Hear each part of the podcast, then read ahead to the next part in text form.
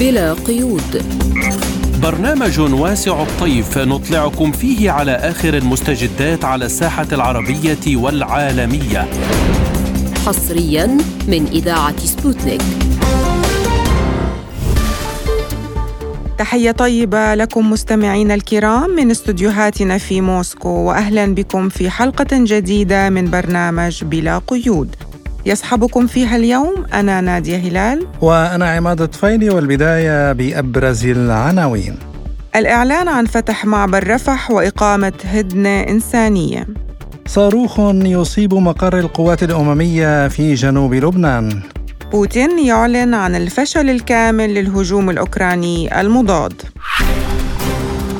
لازلتم تستمعون إلى برنامج بلا قيود. ونبدأ بآخر تطورات الصراع الفلسطيني الإسرائيلي. تم الإعلان عن احتمال فتح معبر رفح اليوم اثنين في السادس عشر من أكتوبر لبضع ساعات بالإضافة إلى إقامة هدنة إنسانية. ولمناقشة آخر المستجدات ينضم إلينا من الأردن الخبير بالشأن السياسي وعضو المؤتمر العام في الحملة الدولية للدفاع عن القدس الأستاذ فارس فحماوي. أهلا بك أستاذ. الجانب المصري يؤكد أن المعبر ظل مفتوحا من الجهة المصرية في الأيام الماضية لكنه صار غير صالح للعمل بسبب القصف الإسرائيلي على الجانب الفلسطيني كما صرحت عدة مصادر مصرية عن وجود شاحنات المساعدات في مدينة العريش في انتظار التصريح لتنطلق إلى رفح سؤالنا لماذا كل هذا التأخير في إجراءات فتح المعبر وإرسال المساعدات؟ هل كان التقصير من الجانب المصري فقط أم أن هناك أسباب أخرى؟ وكيف سيساعد الآن هذا الفتح في حل الأزمة الإنسانية؟ يعني أولا بالنسبة لموضوع المساعدات الإنسانية آه، هي هم يعني كأنظمة مجبورين عليها لأنه الضغط الشعبي الكبير الموجود في المحيط آه، الموجود في مصر والأردن وال الجزائر والدول العربية في ضغط شعبي كبير لرفع الحصار عن غزة. وهذا الموضوع الأربع ساعات اللي بيحكوها مثل ما بيحكوا إخواننا المصريين إنه أصلا المعبر مفتوح ولكن العدو الصهيوني هو اللي قاعد بمنع المساعدات الإنسانية. هو يريد خنق خنق غزة يريد قتل غزة يريد قتل المقاومة في غزة. لأنه عارفين إن المقاومة في غزة هي التي تمثل الإرادة الشعبية الوطنية الفلسطينية بتحرير كامل التراب الوطني الفلسطيني. هذا الوطن فلسطين هي لنا. هؤلاء جاءوا من قاع العالم وأخ أنا بحكي معك أنا أنا ابن مخيم أنا أنا ولدت في مخيم. أنا ما ذنبي أن يأتي يهودي أو صهيوني من أرجاء العالم ويجي يقتلعني من أرضي وأنا أولد في مخيم وأعيش في مخيم ووطني أمامي اللي هو يعني بغداد وعامل فيه دولة لا له وأنا عايش أعيش كلاجئ. مش ذنبي ولا ذنب الانسان الفلسطيني. فهم يريدوا قتل الإنسان الفلسطيني أصلا. يريدوا إنهاء المقاومة. يريدوا إنهاء فكرة المقاومة حتى يتفرغوا إلى آه، إنه نكون ساده الإقليم. يعني الآن هم بيضربوا الاقليم يعني بيضربوا الدور الإقليمي لإيران ولا لمصر ولا تركيا. وأيضا الآن دخول الولايات المتحدة الأمريكية في الموضوع لأنهم بيعرفوا إنه يعني هذا هذا يقوي وضع روسيا في أوكرانيا. الآن المقاومه الآن هذه الحرب هي حرب ضد كل كل حر في العالم. ضد هذا العدو العدو هذا الصهيوني اللي جاي يعمل كيان لنا والآن هو قاعد بيجرم وبقتل الأطفال وبقتل النساء. الآن قبل شوي أنا كنت أحكي مع أخ لنا من غزة. بحكي لي يعني إنه إيه، مش مثل معهم قاعدين بقتلوا الطفل الطبيب المهندس اللي أي إنسان بيمشي على الأرض أحيانا بقتلوه.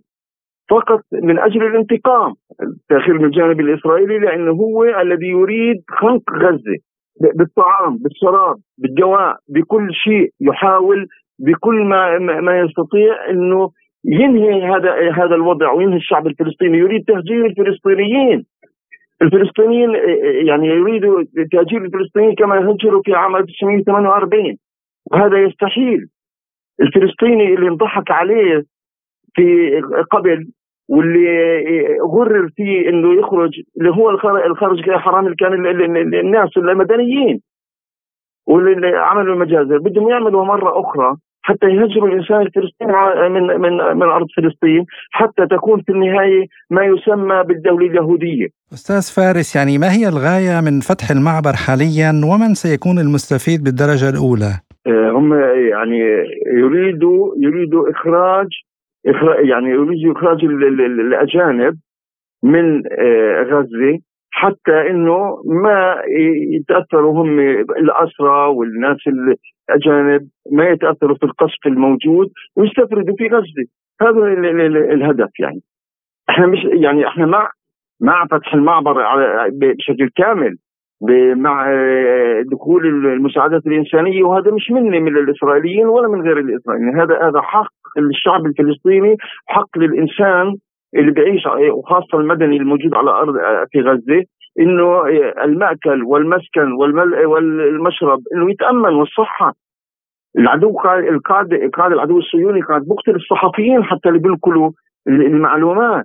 بنقول يعني لا يريد للحقيقة أن تظهر بهذه الجرائم اللي بيكون فيها العدو الصهيوني.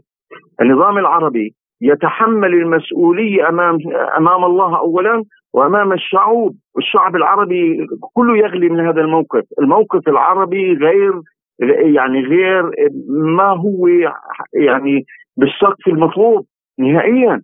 الخبير بالشأن السياسي وعضو المؤتمر العام في الحملة الدولية للدفاع عن القدس الأستاذ فارس فحماوي شكرا جزيلا لك. صباح اليوم تم الإعلان عن وقف إطلاق النار وإقامة هدنة إنسانية لمدة خمسة ساعات في جنوب غزة.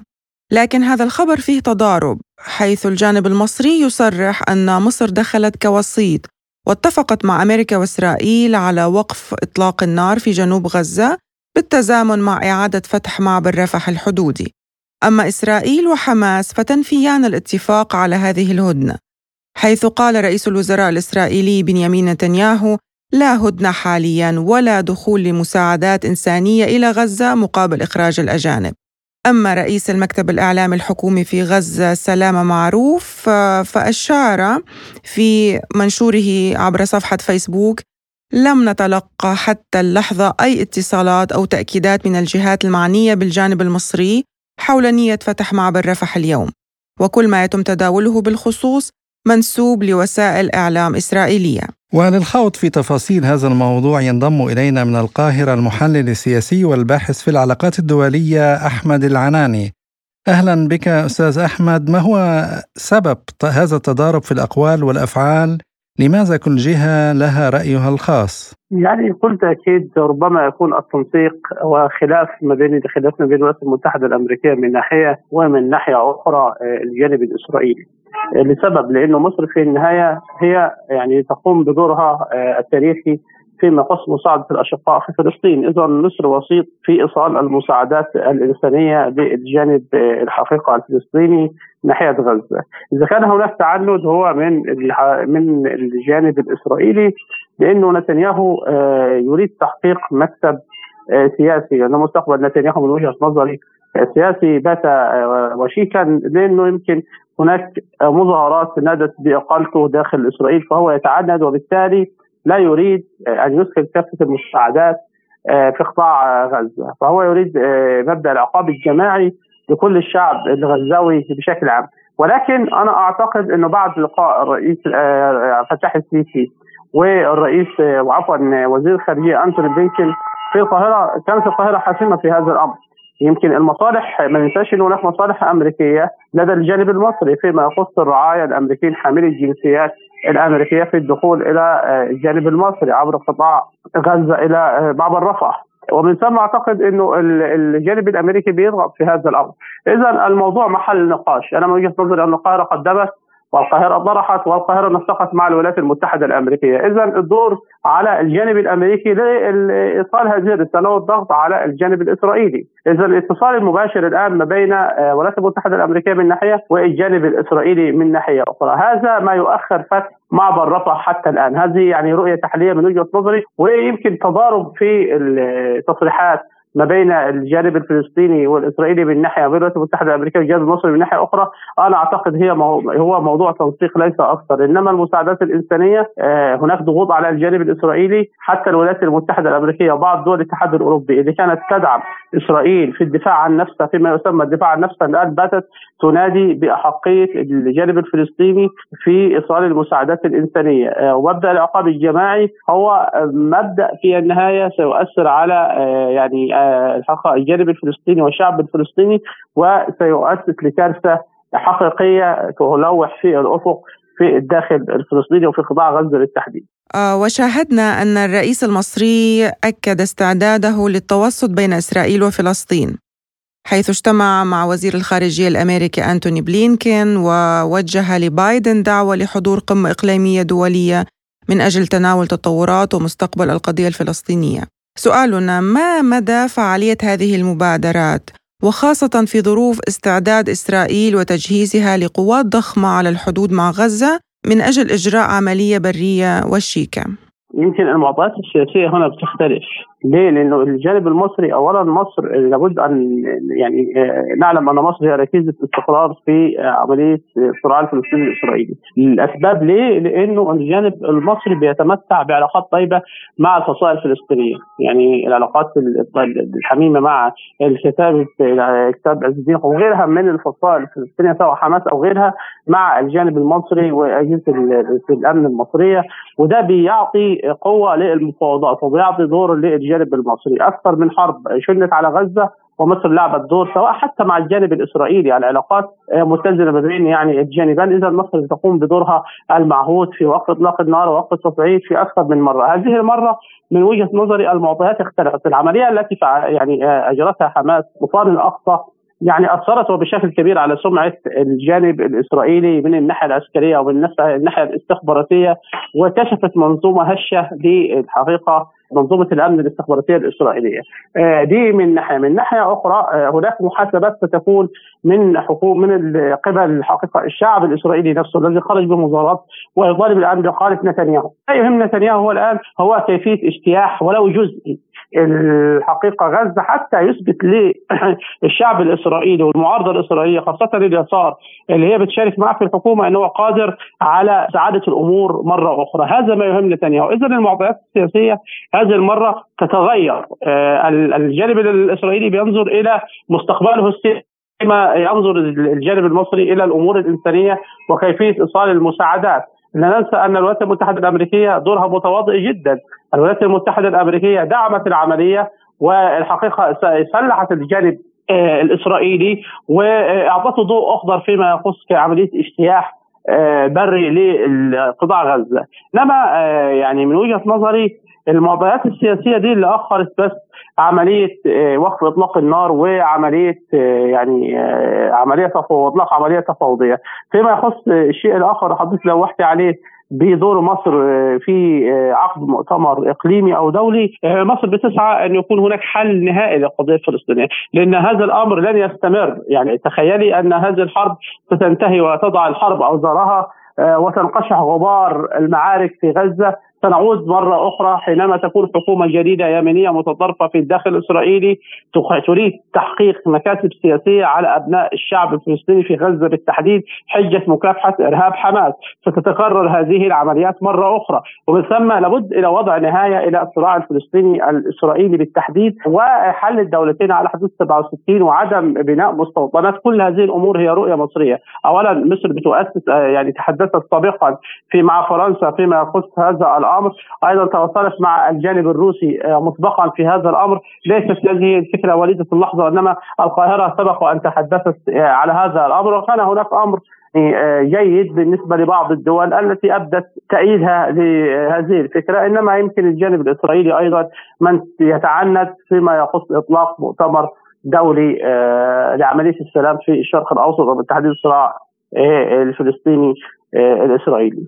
بالنسبة لباقي الدول العربية فكل من الجامعة العربية والاتحاد الإفريقي يعتبران تصرفات إسرائيل في قطاع غزة جريمة حرب لماذا إذا لا تتدخل هذه المنظمات في الصراع بشكل مباشر؟ وللأسف هو في بعض العذر آه، اللي بتحكم يعني جامعه الدول العربية اولا جامعه الدول العربية لها ميثاق آه، ولا بد أن يكون هناك توافقات في أي خطوات تتخذ سواء هذه الخطوات هي خطوات سياسية أو غير ذلك. ناهيك على أن هناك مواقف ربما تكون غير يعني دعينا أسميها عفوا يعني غير متزنة من بعض الدول أو غير توافقية ما بين الدول لبعضهم. لا تنسي أن هناك بعض الدول آه، الآن التي طبعت مع الجانب آه، الحقيقة الإسرائيلي وتريد إحداث توازن فيما يخص هذا الأمر لكي في الدور الإيراني عكس بعض الدول التي آه، يعني تنقلب تحت عباءة إيران. كالعراق كلبنان كغيرها. إذا يعني هناك عدم توافق عربي فيما يخص القضية الفلسطينيه وهذا ما يؤخر من حل القضية الفلسطينيه من وجهة نظر. بغض النظر عن الدول المعتدلة أو الدول المستقرة كمصر والأردن والسعودية أعتقد إن هناك خلافات مع باقي الدول العربية. هذا هذه نقطة. الاتحاد الإفريقي هناك بعض الدول لديها مصالح مع الجانب الإسرائيلي. هناك بعض الدول الموجودة في الاتحاد الإفريقي يربطها علاقات أو تربطها مصالح اقتصادية مع الجانب الإسرائيلي. لذلك هي تريد أحداث نوع من أنواع التوازن فيما يخص هذا الأمر. المصالح والبرجماتيه الدولية هي من تعطل يعني تصعيد الأمور من الناحية السياسية حتى أو من الناحية الدبلوماسية لأنه الكل يحسبها حسب مصالحه آه، التوازنية فيما يخص العلاقات سواء من بعض الدول المحسوبة على آه، دول الاتحاد الإفريقي أو حتى بعض الدول العربية آه، اللي يعني أربطتها عملية سلام وهي اتفاقية أبراهام أو إبراهيم كما يسموها لأنه يعني في النهاية بعض الدول تراعي بعض بعض إنما يعني لا, لا, لا يعني أن هذه الدول لا تريد حل القضية الفلسطينية هي تريد حل القضية الفلسطينية وتسعى فيما يخص الحقيقة القضية الفلسطينية ربما يكون دورها دور محدود وليس يعني دور واسع لإطلاق مثلا عملية تفاوضيه أو يعني الضغط على الجانب الإسرائيلي آه، كما قلت لحضرتك ربما بعض المصالح يعني تؤخر من هذا الأمر. كان معنا من القاهرة المحلل السياسي والباحث في العلاقات الدولية الأستاذ أحمد العناني، شكرا لك. لازلتم تستمعون إلى برنامج بلا قيود.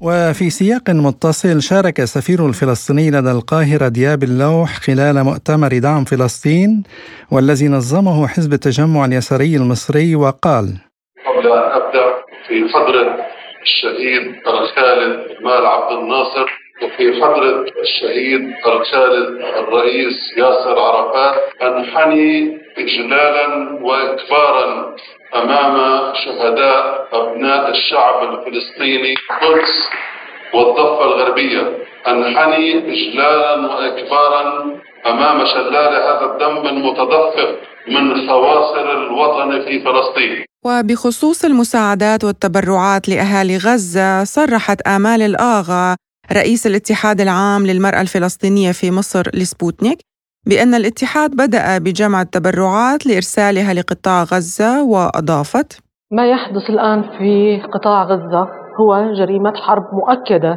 لأنه يسعى دائما لإبادة الشعب الفلسطيني والانتهاء من ما يسمى شعب فلسطيني داخل فلسطين. هو يحاول أن يزج بالشعب الفلسطيني بقطاع غزة إلى الحدود مع مصر لحتى تسمح له الفرصة أنه هو يستولي على الأرض من جديد. إحنا ما نراه الآن في قطاع غزة هو نزوح آخر وهجرة أخرى مثل تماما ما ما حدث بال 48 اطلعوا يعني اخرجوا حفاظا على أرواحكم وسوف تعودون. نفس السيناريو الذي تم في 48 بالضبط. الدور الأمريكي معروف. هو مساند دائما للاحتلال وللرواية ولرواية الاحتلال.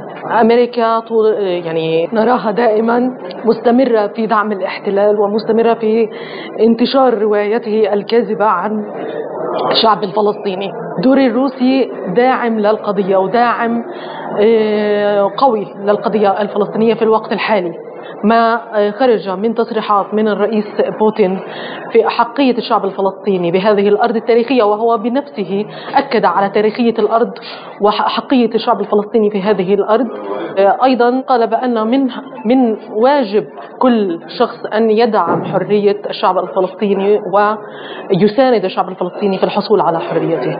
وتحدثت نيبال فرسخ الناطق باسم الهلال الأحمر الفلسطيني لسبوتنيك موضحة الوضع الراهن واستمرار انتظارهم للبلاغ الرسمي عن فتح المعبر حتى يتسنى للطواقم التابعة للهلال الأحمر الوصول لآمن للمنطقة وتابعت قائلة.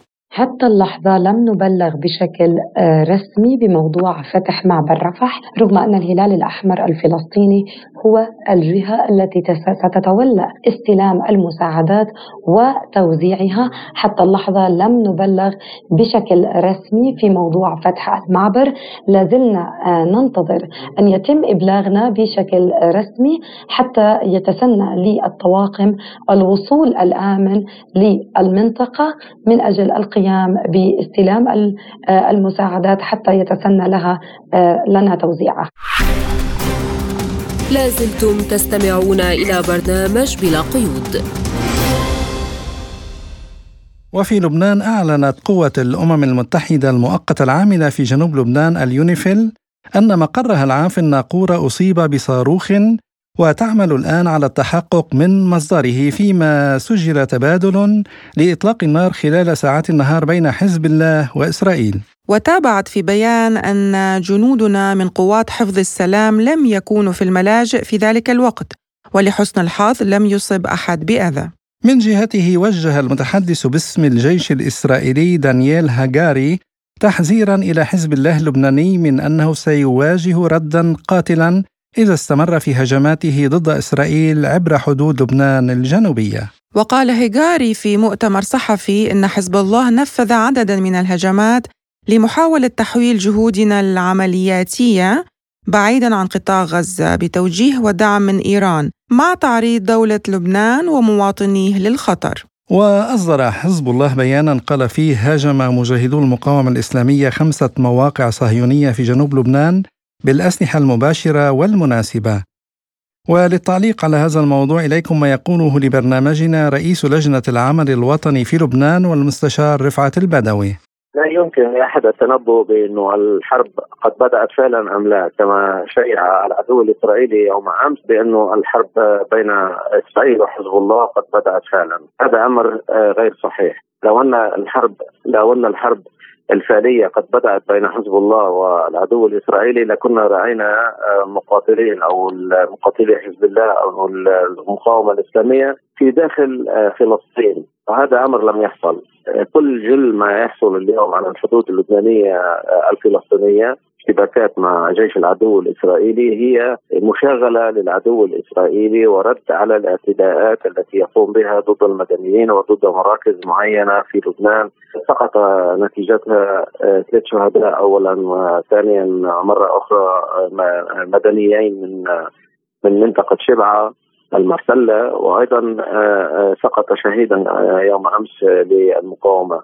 كل هذه الأمور تاتي ضمن الرد والردود آه، المتبادلة آه، لم يعني لم نلحظ حتى اللحظة بدء المعركة الفعلية مع العدو الإسرائيلي. لكن آه هذا دليل بأنه رجال المقاومة على استعداد على رغبه الاستعداد إذا ما أوغل العدو الإسرائيلي في هجومه على غزة استمراره في تدمير المنازل والقرى على رأس المدنيين والخسائر الكبيرة التي أصابت المدنيين. لن يترك الشعب الفلسطيني وحيدا يعني المعادلة التي كانت سائدة في السابق لم تعد الآن صالحة، هناك معادلة جديدة لن يستفرد الشعب الفلسطيني ولن يسمح لهذا العدو الإسرائيلي أن يستفرد في آه، في الشعب الفلسطيني ويستفرد في قتلهم. واجرامهم دون حسيب أو رقيب وبغياب محاسبه دولية، أكيد العالم كله يشهد غياب العدل في نقل الصورة وهناك تزوير إعلامي متعمد من قبل العدو الإسرائيلي والإعلام الأمريكي وحتى بعض الإعلام العربي المطبع مع العدو الإسرائيلي. هناك تزوير للحقائق لكن آه، آه، بالعودة إلى سؤالك أقول لك أن المعادلة الآن هي مشاغلة العدو الإسرائيلي ولا يمكننا القول بأن المعركة قد بدأت فعلا لأنه مؤشراتها كلها تأتي ضمن إطار قواعد الاشتباك التي رسخها حزب الله في لبنان ولم يتجاوز هذه القواعد. وعن احتمال انخراط إيران في الصراع الحالي إلى جانب المقاومة في غزة يقول المستشار البدوي إيران لن تنخرط بشكل مباشر في هذه الحرب إلا إذا تم الاعتداء على طهران أو إيران.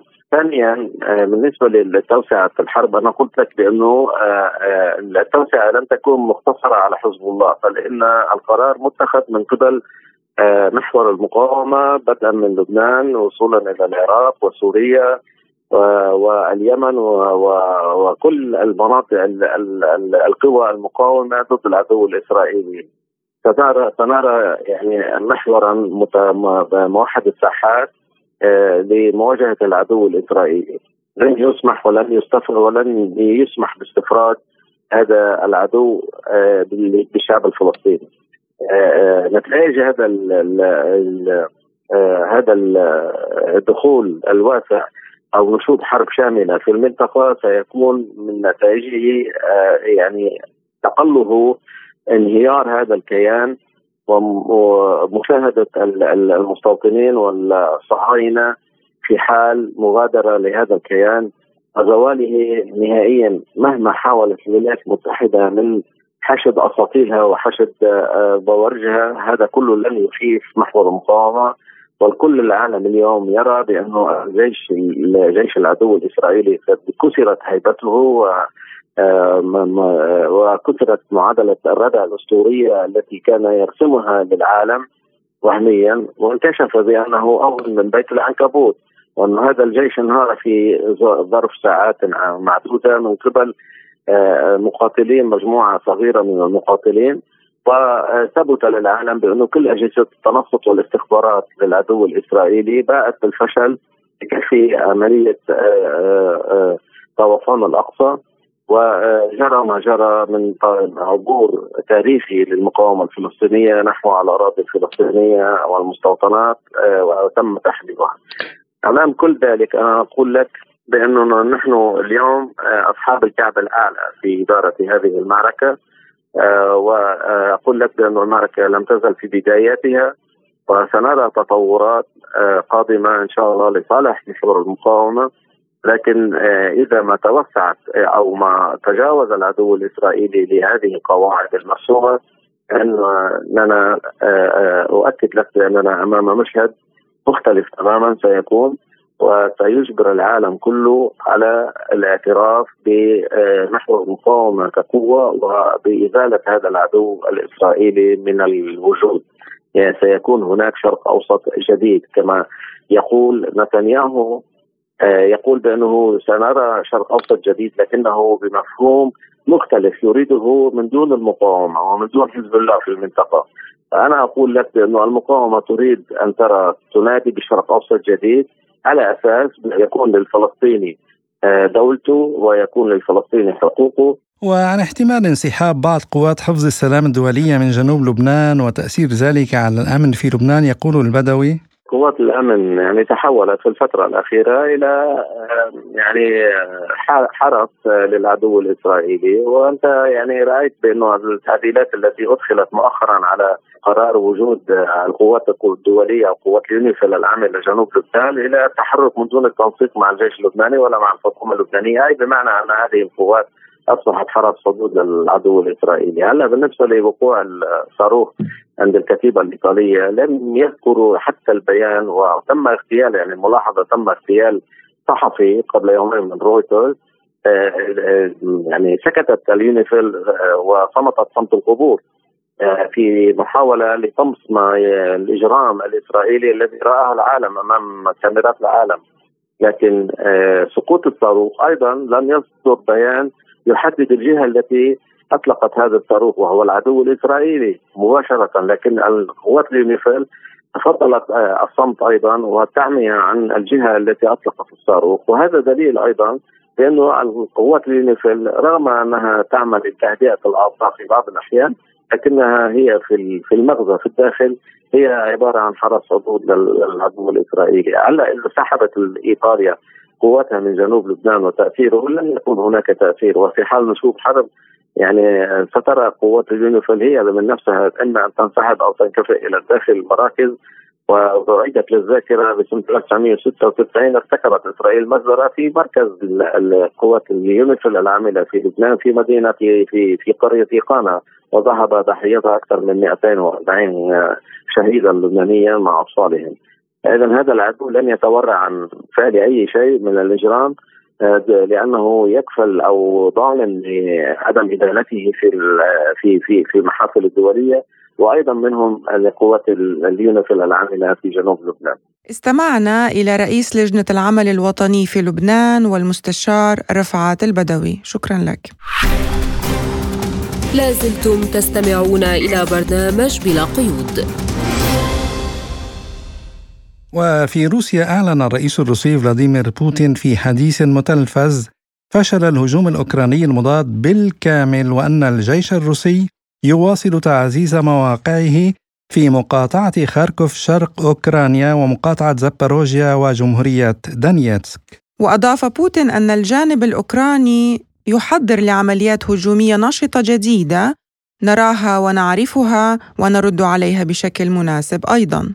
وتابع تواصل قواتنا تحسين مواقعها على طول الجبهة في مساحة كبيرة جدا.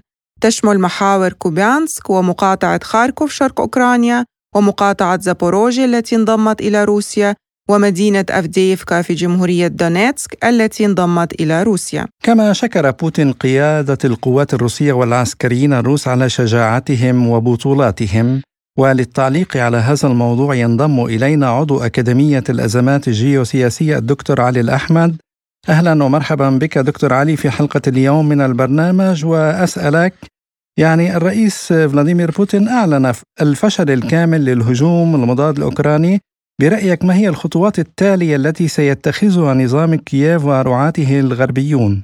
أنا لا أستطيع أن أناقش مسألة أوكرانيا بمعزل عما يجري في العالم وخاصة فيما يتعلق بفلسطين. عندما يصرح الروسي آه، الرئيس الروسي هذا التصريح ويتحدث أيضا عن الدول الاستعمارية كولونياليستراني يعني عم نحكي عن الدول الاستعمارية الولايات المتحدة الأمريكية فرنسا بريطانيا الغرب الاستعماري ككل. نعم. وجزء من هذا الغرب الاستعماري حقيقة ورأس حرب له كان جنوب إفريقيا وبقي منها العدو الإسرائيلي. فبالتالي الآن نحن أمام مشهد. هذا المشهد هو مواجهة قوى التحرر العالمي لتلك الدول الاستعمارية. أيضا أعيد وأكرر رأس حربه آه، القوى التحررية في هذا العالم هي آه، روسيا الاتحادية ومعها الصين الشعبية. فبالتالي الانقسام العمودي الذي يحصل في العالم بين تلك القوى الاستعمارية والدول التحررية هذا يتطور هذا الانقسام ويتطور معه التحالف بشكل مضطرد. آه، حتى على المستوى الاجتماعي والشعبي يعني عندما كان هناك رأي عام آه، في الصين أو في روسيا جزئي آه، يقول عن إسرائيل أنها دولة مثلا بين قوسين كلمة دولة أنها يعني هي وطن ليهود العالم وهذا الآن بدأ يتوضح أنه لا هذه هذا كيان هذا الكيان لا لا ينفذ القرارات الدولية ونحن لا نريد كعرب إلا تنفيذ القرارات الدولية ولا نريد أن نلقي بأحد في البحر. حضرتك تسألني عن أوكرانيا ولكن أنا أجيبك عن أوكرانيا التي متصلة لأنه مع ما يجري في في الأرض المحتلة في فلسطين لأنه أول من آه، رحب بالعدوان الإسرائيلي على غزة كان آه، زيلينسكي ما يسمى الرئيس الأوكراني. فبالتالي أنا آه، لا أستطيع على الإطلاق أن أناقش هذا الأمر إلا بكلياته وأن أربط الأحداث ببعضها لأنه العالم هو في مرحلة وفي حالة تغير وانقلاب في في الصورة التي كانت سابقة آه، وحتى هذا الانقلاب على المستوى التشريعي القانوني الدولي سوف يحصل وسوف يكون هناك إعادة توازن للعلاقات الدولية ولكن هذا الأمر بالتأكيد ثمنه ليس بقليل ولكن ثمن العبودية أكبر بكثير. أكد الرئيس الروسي فلاديمير بوتين أن بين أسباب أزمة أوكرانيا تورط كييف في نشاط الناتو وفشل تنفيذ اتفاقات مينسك اثنان وأن موسكو لم تعترض أبدا على التسوية السلمية خلافا لكييف. قراءتك لهذا التصريح. حتى اتفاقيات مينسك التي وافق عليها الغرب كانت كانت ألمانيا حاضرة، كانت فرنسا حاضرة، كان يعني جزء كبير من الغرب، حتى لم تكن بعيدة عن الولايات المتحدة الأمريكية ولكن عندما استشعر هذا الغرب في مكان ما أنه يمكن له أن يرمي بعرض الحائط كل كل حتى تحدث الرئيس الروسي عن اتفاقية الاتفاقية النووية فيما يتعلق بين إيران والغرب ككل يعني عندما وقعت تغيرت الإدارة الأمريكية ورمت بعرض الحائط تلك الاتفاقية الموقعة. وهذا الأمر ينسحب على اتفاقية مينسك. نعم صحيح الكلام تماما. هم يعني يتعاملون بصلف ويعني وفق أهواء حتى الذي يحكم في هذه اللحظة دون أن يكون حتى هناك احترام لتلك الاتفاقيات التي وقعت ودون احترام لشرعة الشرعه الأممية للشرعه الأممية التي أيضا وافقت عليها كل البشرية بعد الحرب العالمية الثانية وحتى على الاتفاقيات التي سبق ذلك بكثير. فبالتالي نعم هناك إشكالية كبرى صحيح آه، انه روسيا على العكس كانت تنادي على الدوام أنه هي تريد أحسن العلاقات مع دول الجوار مع دول تربطها أخوة حقيقية من حيث اللغة، من حيث الثقافة، من حيث كل شيء، ليس فقط مع كييف وإنما مع بيلاروسيا، مع دول بحر البلطيق حتى أوسع من ذلك بكثير إذا تحدثنا عن دول يعني محيط الاتحاد السوفيتي السابق دول الشرقية. كان هناك علاقات دائما يعني علاقات جيدة جدا. ودائما تدافع وتحاول روسيا أن أن تكون على هذا المستوى من العلاقات مع تلك الدول دون أن يكون هناك. وان يكون لهذه الدول علاقات جيدة مع الغرب ولكن ليست علاقات تآمرية. يعني في فرق بين العلاقات الجيدة مع الغرب أو العلاقات التآمرية أن يكون لديك مختبرات اسلحه بيولوجيه أن يكون لديك يعني أو خطط تضرب الأمن القومي لروسيا. هذا الأمر الذي لا يمكن لروسيا أن تقبله أو أن تسمح به تحت أي عنوان، أما أن يكون لهذه الدول علاقات مع الغرب علاقات حسن جوار وعلاقات اقتصادية وثقافية وإلى آخره، لا أحد على الإطلاق يعترض على ذلك. ولكن الاعتراض هو على العقد التآمري ومحاولة زعزعة الأمن القومي لروسيا الاتحاديه صحيح. وصف بوتين خطة السلام الصينية لأوكرانيا بالواقعية هل هذا يعني أن مبادرة جمهورية الصين هي التي يمكن أن تصبح الأساس لبدء تسوية سلمية للأزمة الأوكرانية؟ طبعا يعني عندنا بال... بال... بالشام بيقولوا درب الكلب على القصاب نعم. يعني آه لوين بدهم يروحوا سوف يذهبون بالضرورة أقصد هنا آه القيادات الأوكرانية سوف تأتي بالضرورة لتنصاع لحوار ما. وهذا الحوار سوف يفضي إلى تفاهمات تحت العناوين التي آه، طلبتها طالبت بها روسيا منذ اتفاقيه مينسك. يعني العناوين كانت هي عناوين واضحة آه، أن يكون هناك حالة من حالات دعني أقول الحيادية والا يكون هناك تآمرات مع المعسكر الغربي مع آه، حلف شمال الأطلسي وألا يكون هنا. يعني آه، آه، الحفاظ على الأمن القومي الروسي وحتى الحفاظ على الأمن القومي الأوسع للدول المحيطة بروسيا. فبالتالي نعم المبادرة الصينية تأخذ هذا الموضوع بعين الاعتبار وهي ترسم أيضا لعلاقتها أيضا مع تايوان في في نهاية الأمر. يعني ألا يتم الاقتراب من الأمن القومي في العمق للدول التي ليس فقط للدول الكبرى يعني كروسيا هذا الأمر منسحب على سوريا منسحب على فلسطين منسحب على الأمن القومي المصري الذي تحاول القوى أيضا وهنا الدور الإسرائيلي فيما يتعلق بسد النهضة أو بما يجري في السودان ما جرى في ليبيا، لذلك أنا أقول إنه هذا الأمر لا يمكن مناقشته، ممكن طبعا تحليله نقطيا فيما يتعلق بأوكرانيا أو فلسطين كلا على حدة ولكن لا يجوز إلا أن يكون هناك قراءه للمشهد الدولي ككل وربطه مع بعضه بشكل صحيح. وخلال مقابلة زعم الرئيس الأمريكي جو بايدن أن الولايات المتحدة تدعم أوكرانيا لأنها تريد تجنب الانجرار إلى حرب في أوروبا فهل يدرك الغرب أن واشنطن تستخدم الدول الأوروبية فقط لتحقيق مصالحها الجيوسياسية؟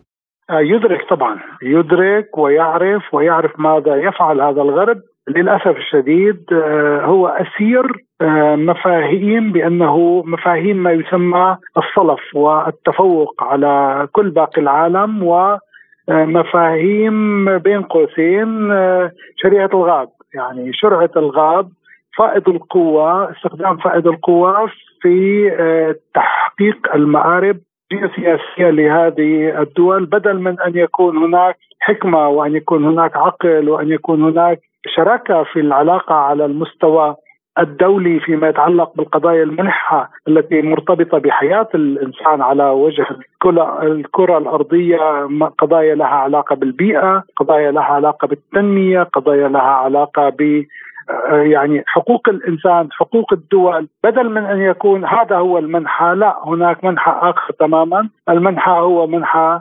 الصلف والتفوق فرض الهيمنة وعدم سماع الآخر والاستغراب الشديد عندما تطرح قضايا إنه دعونا نتشارك في إدارة هذا الكون وإدارة مستقبل البشرية. يعني هناك أعين تستغرب وأنه يعني عن ماذا يتحدث الرئيس الروسي عندما كان في مؤتمر ميونخ أو فيما يعني نحن هذا الموضوع مفتوح منذ 2007 حتى هذا اليوم. فبالتالي يعني هم ليس فقط يستغربون يعني لا يحق لك أن تتكلم على الإطلاق فقط يحق لك أن تنصاع وأن تكون يعني عفوا من الكلمة عبدا لهم و يعني وحتى دون أن يكون لك حتى أي حقوق عبودية يعني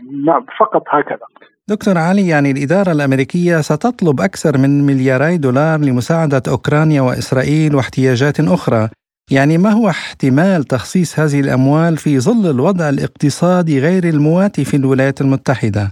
الرقم اللي حضرتك ذكرته ملياري دولار أنا معلوماتي الأرقام أكثر من ذلك بكثير، أنا طبعا ملياري دولار فيما يتعلق بأوكرانيا، بينما في إسرائيل فيما يتعلق بالكيان الصهيوني الأرقام هي بعشرات الملايين عشرات مليارات عفوا الدولارات وتستشعر الولايات المتحدة الأمريكية الخطر آه، خطر آه، وجودي بالنسبة للكيان. الإسرائيلي هنا أقصد. يعني الولايات المتحدة الأمريكية في في نهاية الأمر تعتقد أنه حياتها مرتبطة بمص الدماء وبإشعال الحروب وبعدم الاستقرار، حياة هذا آه هذه الولايات المتحدة، كلنا نتمنى على أن تكون هناك آه ولايات متحدة أمريكية فيها آه، ثقافات مختلفة فيها إدارة مرنة فيها كل ولكن ألا يكون أس أو ال ال الكتلة الصلبة الموجودة في واشنطن هي فقط تعمل على آه، معاداة كل دول العالم ومحاولة الهيمنة. نعم هم آه، جاهزون حتى للاستدانة وأصبحت هي أكبر دولة مديونيرية في العالم أو أقصد هنا الولايات المتحدة الأمريكية وتحاول أن تضخ هذه الأموال فيما تعتقده أنه هو جزء من تمويل آه، قواعدها حول العالم والهيمنة على دول العالم بما في ذلك آه، أوكرانيا آه، الداعم أيضا للكيان الإسرائيلي. كان معنا عضو أكاديمية الأزمات الجيوسياسية الدكتور علي الأحمد. شكرا جزيلا لك. لازلتم تستمعون إلى برنامج بلا قيود.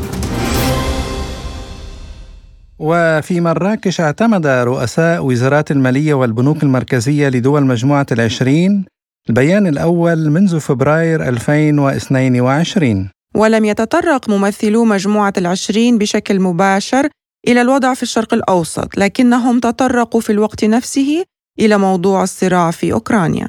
وشددوا على العواقب السلبية للصراع في أوكرانيا على الاقتصاد العالمي وخاصة الأمن الغذائي وسوق الطاقة والاستقرار المالي الكلي. كما أشارت مجموعة العشرين إلى العوامل السلبية التي تعيق التنمية الاقتصادية في العالم كارتفاع التضخم وتراكم ديون الدولة والتفتت الجغرافي الاقتصادي على الكوكب. وللتعليق على هذا الموضوع إليكم ما يقوله لبرنامجنا الخبير الاقتصادي الدولي الدكتور مراد كواشي.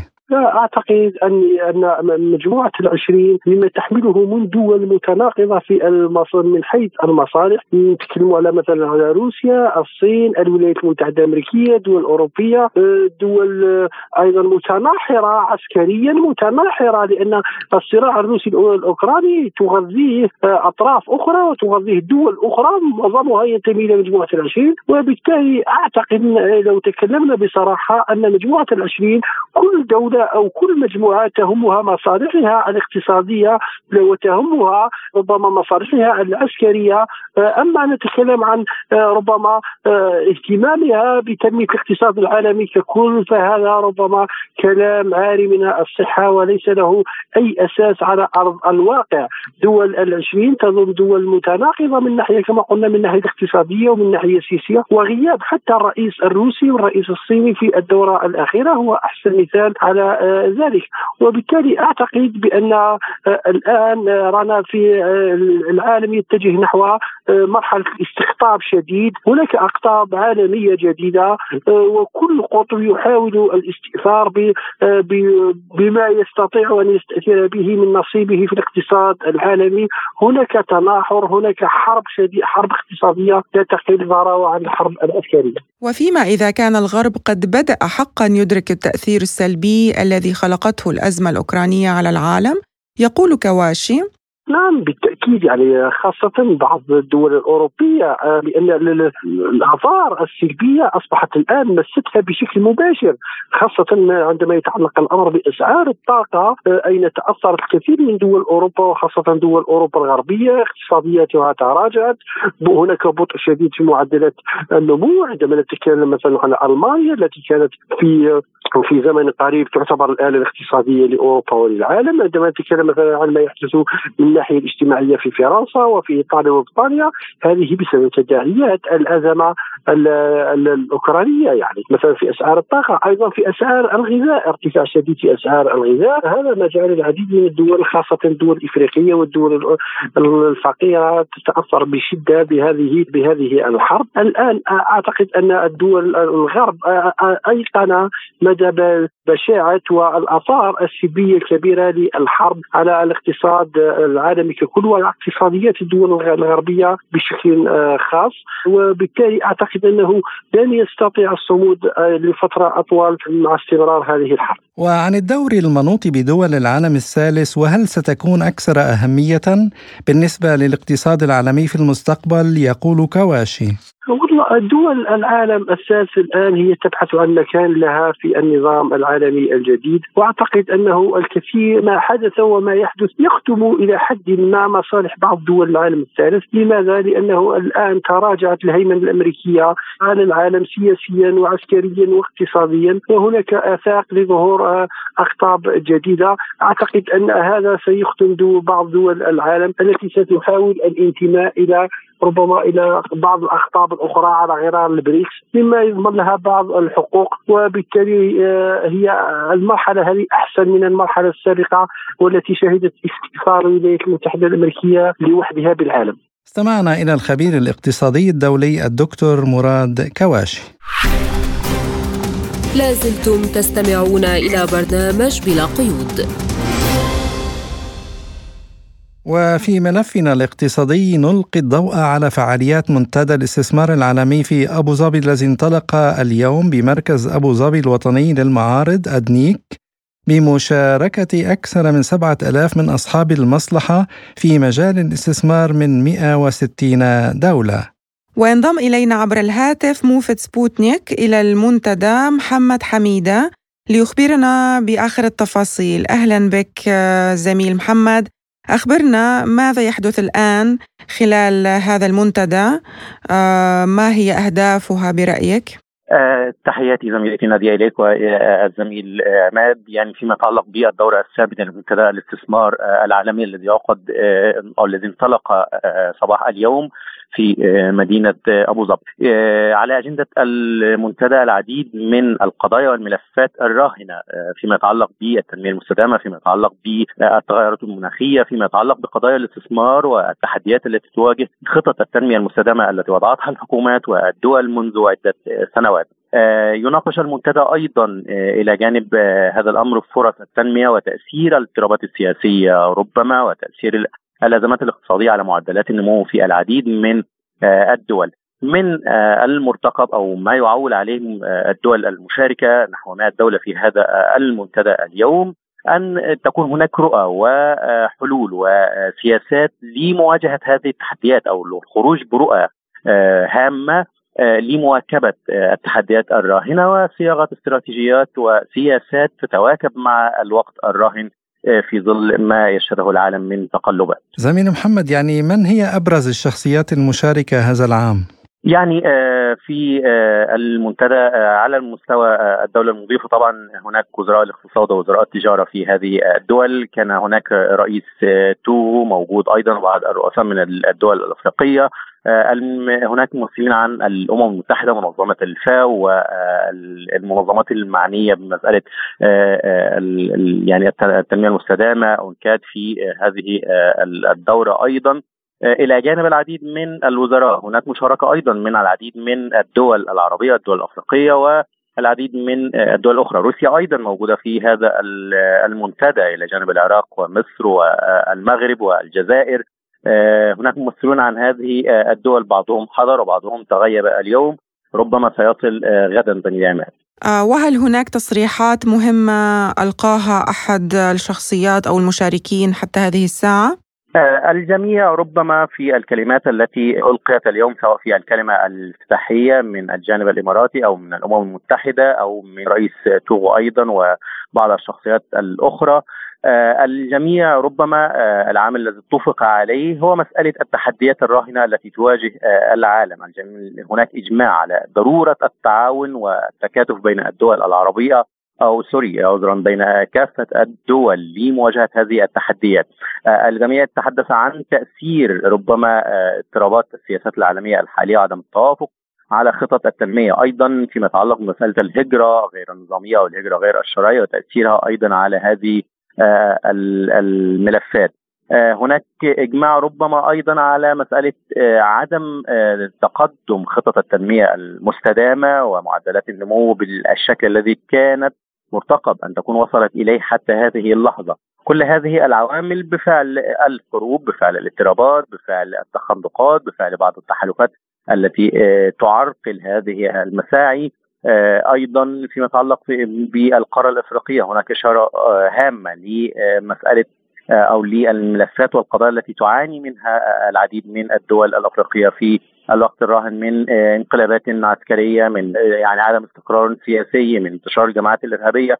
كل هذه العوامل بالتأكيد تؤثر على مسألة الاستثمار المباشر آه، الذي تهدف إليه آه، الدول. الجميع أيضا تحدث عن ضرورة إشراك أو مشاركة القطاع الخاص إلى جانب القطاع العام في آه، ملفات أو في رؤى التنمية. طيب زميلي محمد ما أهمية عقد مثل هذه المنتديات الاستثمارية بالنسبة للاقتصاد العالمي في هذه الظروف يعني التي يمر بها العالم؟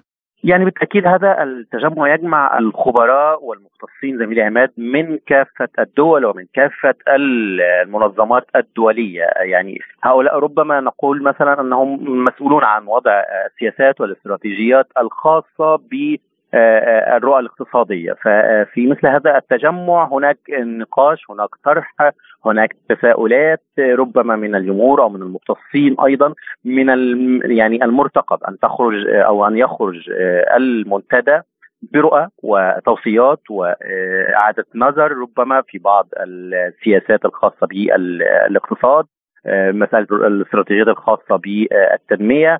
خطط التنمية المستدامة وأيضا فيما يتعلق بالتحديات كيفية مواجهة هذه التحديات هو نحن هنا ربما الخبراء هنا لمناقشة كيفية التغلب على هذه التحديات وكيفية مواجهتها وكيفية إعادة صياغة هذه السياسات والاستراتيجيات وربما القوانين لتكون مواكبة بالفعل لما يحتاج إليه العالم في الوقت الراهن وفي المستقبل أيضا. زميل محمد هناك سؤال أخير حسب ملاحظاتك ما هي حصة ممثلي القطاع الخاص المشاركين في هذا المنتدى؟